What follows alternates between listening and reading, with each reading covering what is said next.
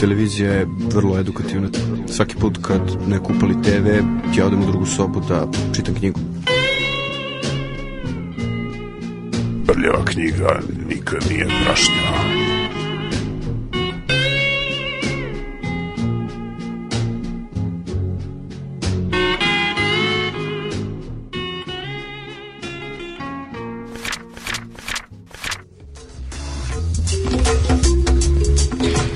Polako završavamo sa rubrikom Jedan pisac, jedna knjiga. E, jeste.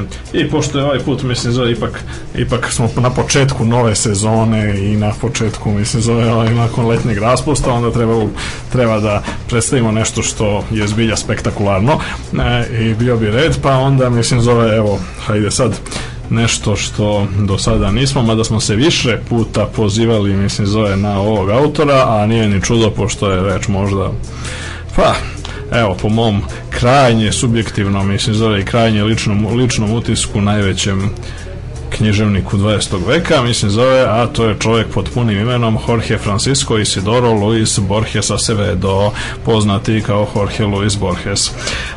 E, Borges je i njegova knjiga pod nazivom, obično meni se više sviđa ovaj stari prevod hajde da kažemo bivši jugoslovenski, danas bi rekli hrvatski ovaj, prevod priručnik fantastične zoologije od novog i relativno skoro izašlog korektnog do duše, mislim zove sve ono kao prevoda u izdanju pa ideje koje nosi naziv knjiga o izmišljenim bićima što meni lično ne zvuči tako lepo, ali dobro, mislim ukusi su različiti, u svakom slučaju knjigu vredi pročitati, a pre toga nešto o Borgesu o kome se, mada uglavnom dosta i znam se nadam, bar među našim slušalcima. Dakle, Borges se rodio na samom kraju 19. veka, 1899. a umro 1986. Rodio se u Buenos Airesu gde je najviše najveći deo ove, života i živeo, osim toga što a umro je u Ženevi u Švajcarskoj gde je živeo poslednjih par godina života. I a, Borges je tako šta reći već u tako velikoj figuri naš možda najveći prozaista Danilo Kiš je napisao umetnost pripovedanja se deli na dve epohe do Borgesa i posle Borgesa. Da. A što ovaj, zaista prosto ne, ne može čovjek da ne može čovjek da prosto ospori tako nešto e, s obzirom na njegov uticaj koji je imao generalno na savremenu književnost i uopšte na, na način pripovedanja pa i na mnoge druge mnoge druge oblasti savremenog umetno, savremene umetnosti i pop kulture, film,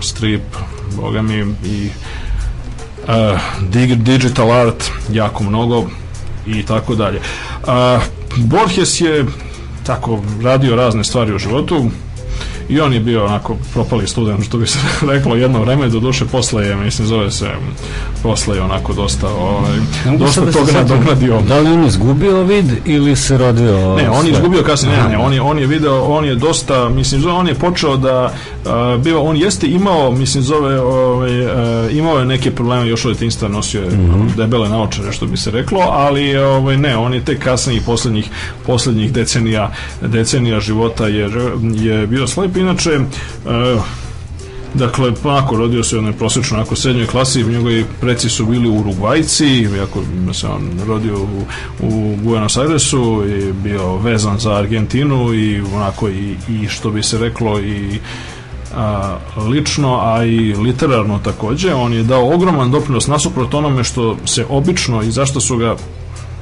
pa haj tako da kažemo sitni umovi kritikovali a, ovaj, da se on eto ne bavi mislim zove nekim ono, latinoameričkim temama. Naprotiv on je učinio ekstremno mnogo mislim zove da baš afirmiše čak i tradicionalnu argentinsku kulturu kao što su mislim zove tamo njihovi razni gaučoski epovi razne oblici narodnog stvaralaštva Argentine koje on, kojima je on dao jedan potpuno novi posebno u njegovoj eseistici mislim zove dao potpuno novo tumačenje. Inače on je najpoznatiji po kratkim pričama i po esejima. Takođe bio uh, u Argentini je jako poznat kao pesnik, do duše to je mnogo teže zato što se na kraju krajeva ipak prevodi poezije jako su, su mnogo te, teži, komplikovaniji, mm -hmm. ređi i tako dalje, tako da je u ostatku sveta van španskog govornog područja, posebno van Argentine, mislim, mnogo manje poznata njegova poezija, mada ljudi ne spore, mislim zove da ima neosporne kvalitete, ali najpoznatiji je po kratkim pričama i to baš kratkim kratkim, vrlo često mislim zove ispod ono jedne strane i kraćim od jedne strane i po esejima.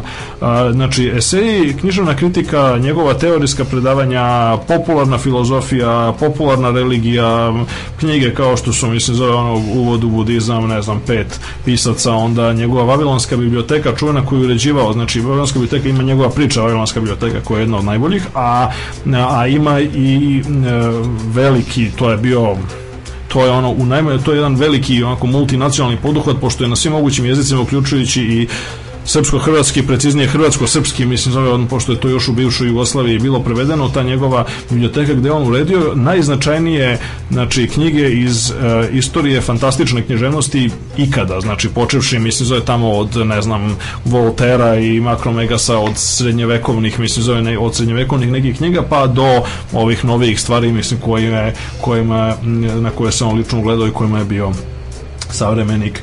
Uh, On je e, jedno vreme dugo, inače lično je jedno vreme je radio, naj, najviše radio kao bibliotekar ovaj, u Buenos Airesu, bio je jedan od e, urednika i e, vrlo uglednih kontributora nekoliko poznatih književnih časopisa u Buenos Airesu. E, imao je problema s političkih sa peron, peronom i peronistima.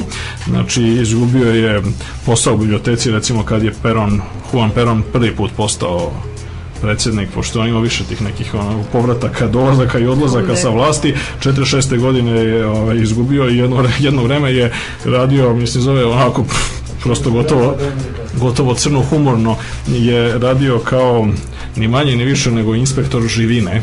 Aha. Dakle, inspektor živine je bio u tom periodu kad nije mogao da nađe nikakav onako posao, hajde da kažemo onako u nekim ovaj, u nekim tako intelektualnim krugovima.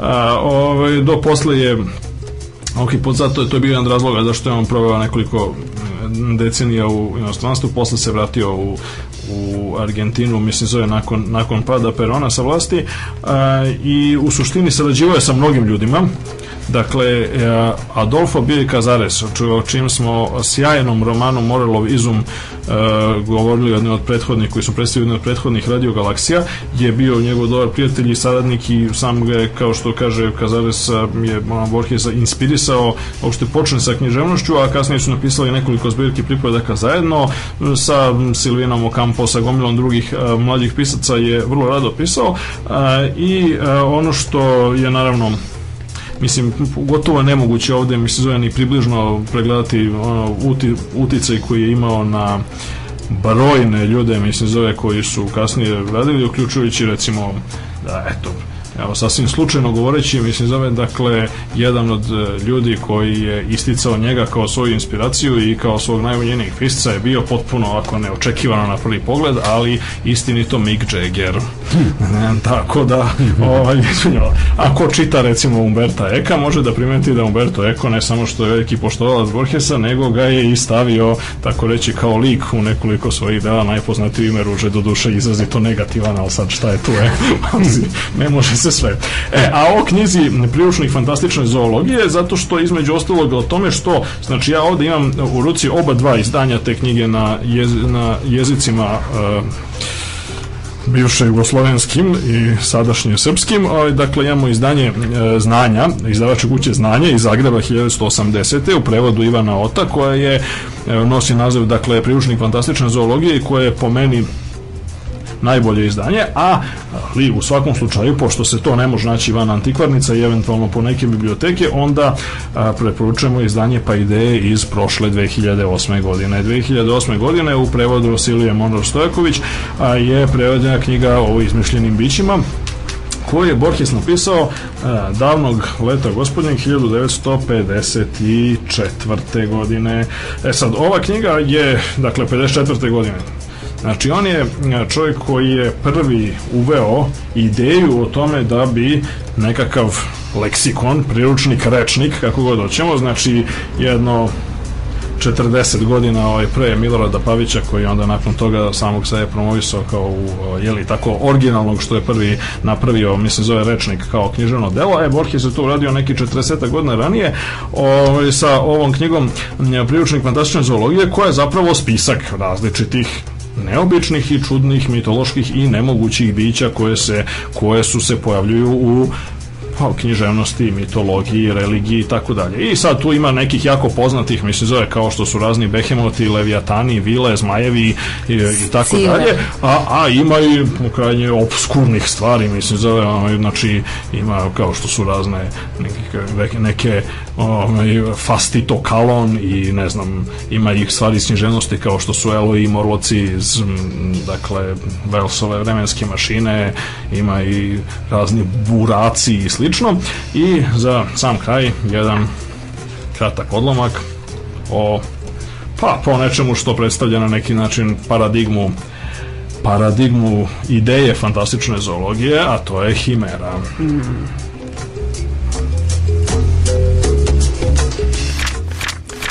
Himera se prvi put pomenja u šestom poglavlju Ilijade.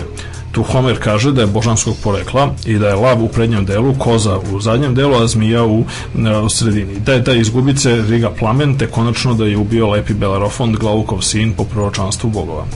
Homer najjasnije opisuje Himeru sa lavljom glavom, kozim telom i zminskim repom, no Hesiodu Teogoni opisuje sa tri glave, a tako je prikazano i u čuvenom bronzanom kipu iz petog veka pronađenom u Arecu. Iz sredine leđa rastaju kozja glava, na jednom kraju je zmijska glava, na drugom lavlja. Himera se ponovo pojavlja u šestoj knjizi Eneide, naoružana plamenom. Vergilijev pozni komentator Servire Honoratus primećuje da prema svim autoritetima to čudovište potiče iz Likije, gde postoji vulkan koji nosi njeno ime. Podnožje te planine beše okruženo zmijama, na obroncima su po livadama pasli divlji jarci, a iznad svega na pustom vrhu iz kog je rigao plamen utočište su našli lavovi. Čini se da Himera slikovito prikazuje tu čudnovatu visoravan. Plutarh je još ranije bio naba- nabacio da ideju da je Himera bilo ime gusarskog kapetana koji je svoj brod ukrasio likovima ja, lava, jarca i zmije. Te su nezgrapne pretpostavke dokaz da je Himera počela ljudima dosađivati. Lakše je bilo da je pretvore u nešto drugo nego da je kao takvu zamišljaju. Kao životinja bila je suviše nespojiva. Lav, koza i zmija, u nekim tekstima zmaj, zaista nisu kadri sačinjavati jednu životinju. S vremena a, Himera je postala sve himeričnija. Slavna Rableova šala. Može li Himera, ljuljajući se u praznini, progutati zadnje namere? Jasno označava taj prelaz. Skrpana je slika iščezla, no ostala je reč, označavajući nemoguće. Himera se u današnjim rečnicima određuje kao primer zablude ili klapnje.